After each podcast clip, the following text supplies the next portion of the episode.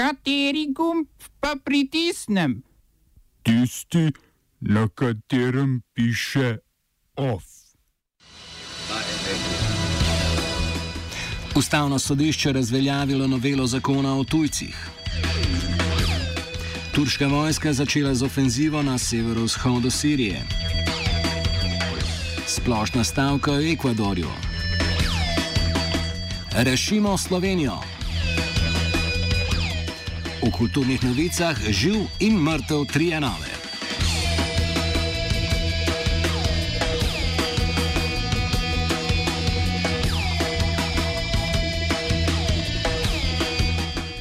Neuradnih podatkih, ki jih prenaša tednik Mladina, je ustavno sodišče razveljavilo 10b člen zakona o tujcih, ki je bil sprejet v času vlade vrlega pravnika Mira Cerarja in ob razglasitvi spremenjenih razmer policiji teoretično omogoča sistematično zavračanje vseh prošenj za azil že na meji in to brez individualne obravnave, ki po mednarodnem pravu pripada vsakemu posamezniku. Ustavni sodniki so bili v odločitvi tako rekoč enotni z osmimi glasovi za razveljavitev in samo enim proti. Ta člen sicer nikoli ni bil uveljavljen, kar pa ne pomeni, da slovenska policija na južni meji ne sodeluje v zavračanju migrantov, ne glede na izraženo prošnjo po azilu.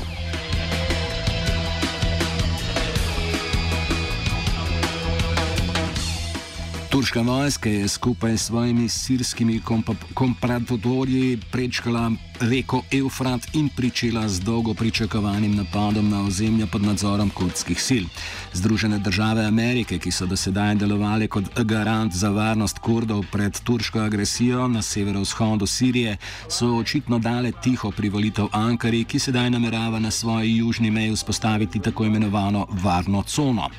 Ta bo Turčiji služila kot tampon cona pred kurdi, ki jih dojemajo kot glavno grožnjo, še bolj kot recimo islamska država proti kateri eh, se s pomočjo zahodnih zaveznic leta bojujejo večinsko kurdske sirske demokratske sile. Po spostavitvi varne cone bo Turčija predvidoma tja izselila okoli 2 milijona sirskih beguncev, kar bo znatno spremenilo demografsko sliko območja.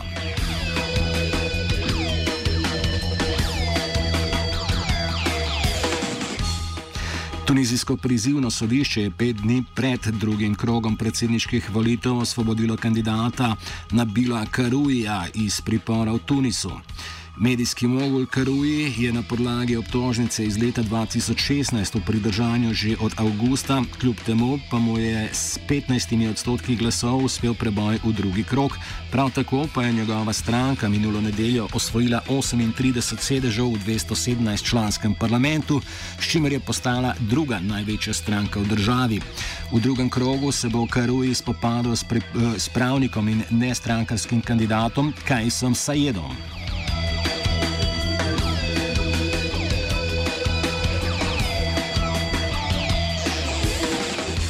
V Ekvadorju se splošno stavko zaostrujejo protivladne demonstracije proti vrčevalnim ukrepom vlade predsednika Lenina Morena. En teden pred začetkom protestov, ki jih je sprožila nenadna podražitev goriva, vlada še vedno zaseda v obalnem. Guajakulu se ulice Kuita še vedno zasedajo ljudje, nezadovoljni nad neoliberalnimi politikami, ki jih zahteva mednarodni denarni sklad v okviru večmiljardnega posojila Ekvadorju.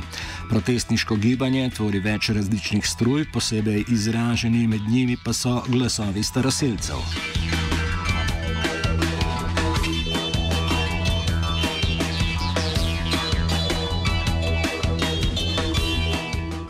Potem, ko so propadla pogajanja med hrvaško vlado in šolskimi sindikati, se je danes začela stavka zaposlenih v osnovnih in srednjih šolah po celotni Hrvaški.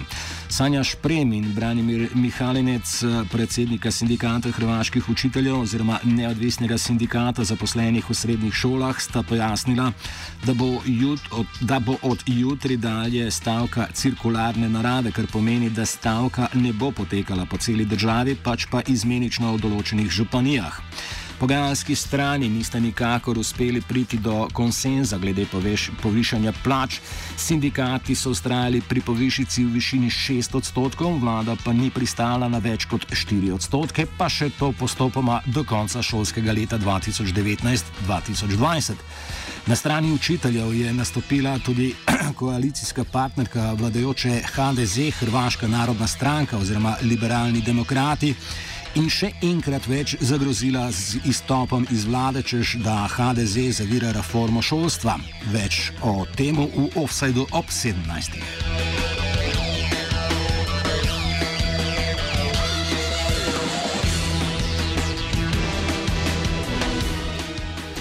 Že včeraj so stavko izvedli piloti in osebje italijanskega nacionalnega letalskega prevoznika Alitalije. Skupno je bilo odpovedanih okoli 200 po letu, sindikati pa so s prekinitvijo dela želeli opozoriti na nejasno sodo podjetja. Po 15. oktobru, ko se izteče rok za zavezujoče ponudbe za propadlega velikana. Alitalijana je bila privatizirana leta 2008, po razglasitvi stečaja pa pred dvema letoma pa so spet priključeni na državno blagajno, ki dnevno krije njene stroške. Kot najbolj realen novi upravljale, upravljalec se ponuja nova kapitalska naveza državnih železnic, finančnega ministrstva, ameriške družbe Delta Airlines in infrastrukturnega podjetja Atlantia.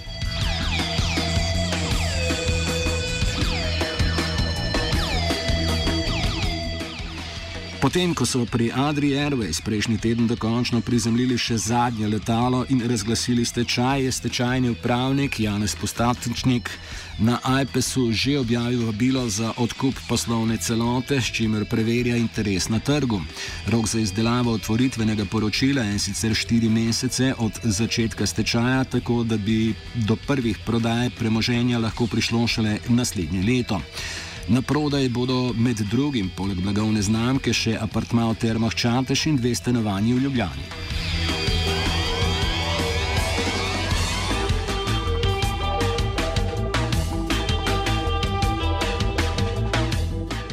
Predstavniki ekonomsko-socialnega sveta so po sestanku s premijem Marjanom Šarcom izrazili zadovoljstvo nad sklepom, da bo po spremembi pravil ESS-a lahko ta obravnaval tudi zakonske predloge opozicije.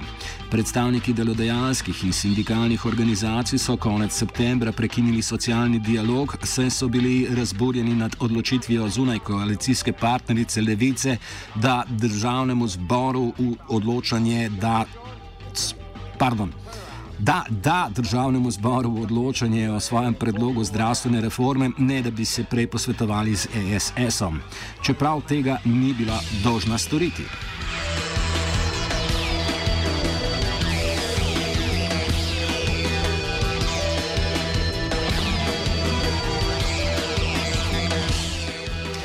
Čez dve uri se na Preširovem trgu prične protest rumenih jopičev pod nazivom Rešimo Slovenijo. Glavni pobudnik shoda je nekdani mariborski župan Franz Kangler, ki je svoj čas na nek drug način sprožil druge vrste vse slovenske ustaje. Njega bo skupaj s preostalimi pobudniki iz pisane druščine civilnih inicijativ in desnih strank predtem sprejel predsednik državnega zbora Alois Košca, ob 16. pa bo v cerkvi na Prešercu potekala še Maša za domovino. Amen. Prav je, da slišite da nam zoki sredi Ljubljana ne pusti peti slovenske pesmi, ne smemo imeti ozvočenja. Očitno nas pri prireditvi omejuje. Ne smemo imeti odra. Alfinipič bo kljub temu zapel.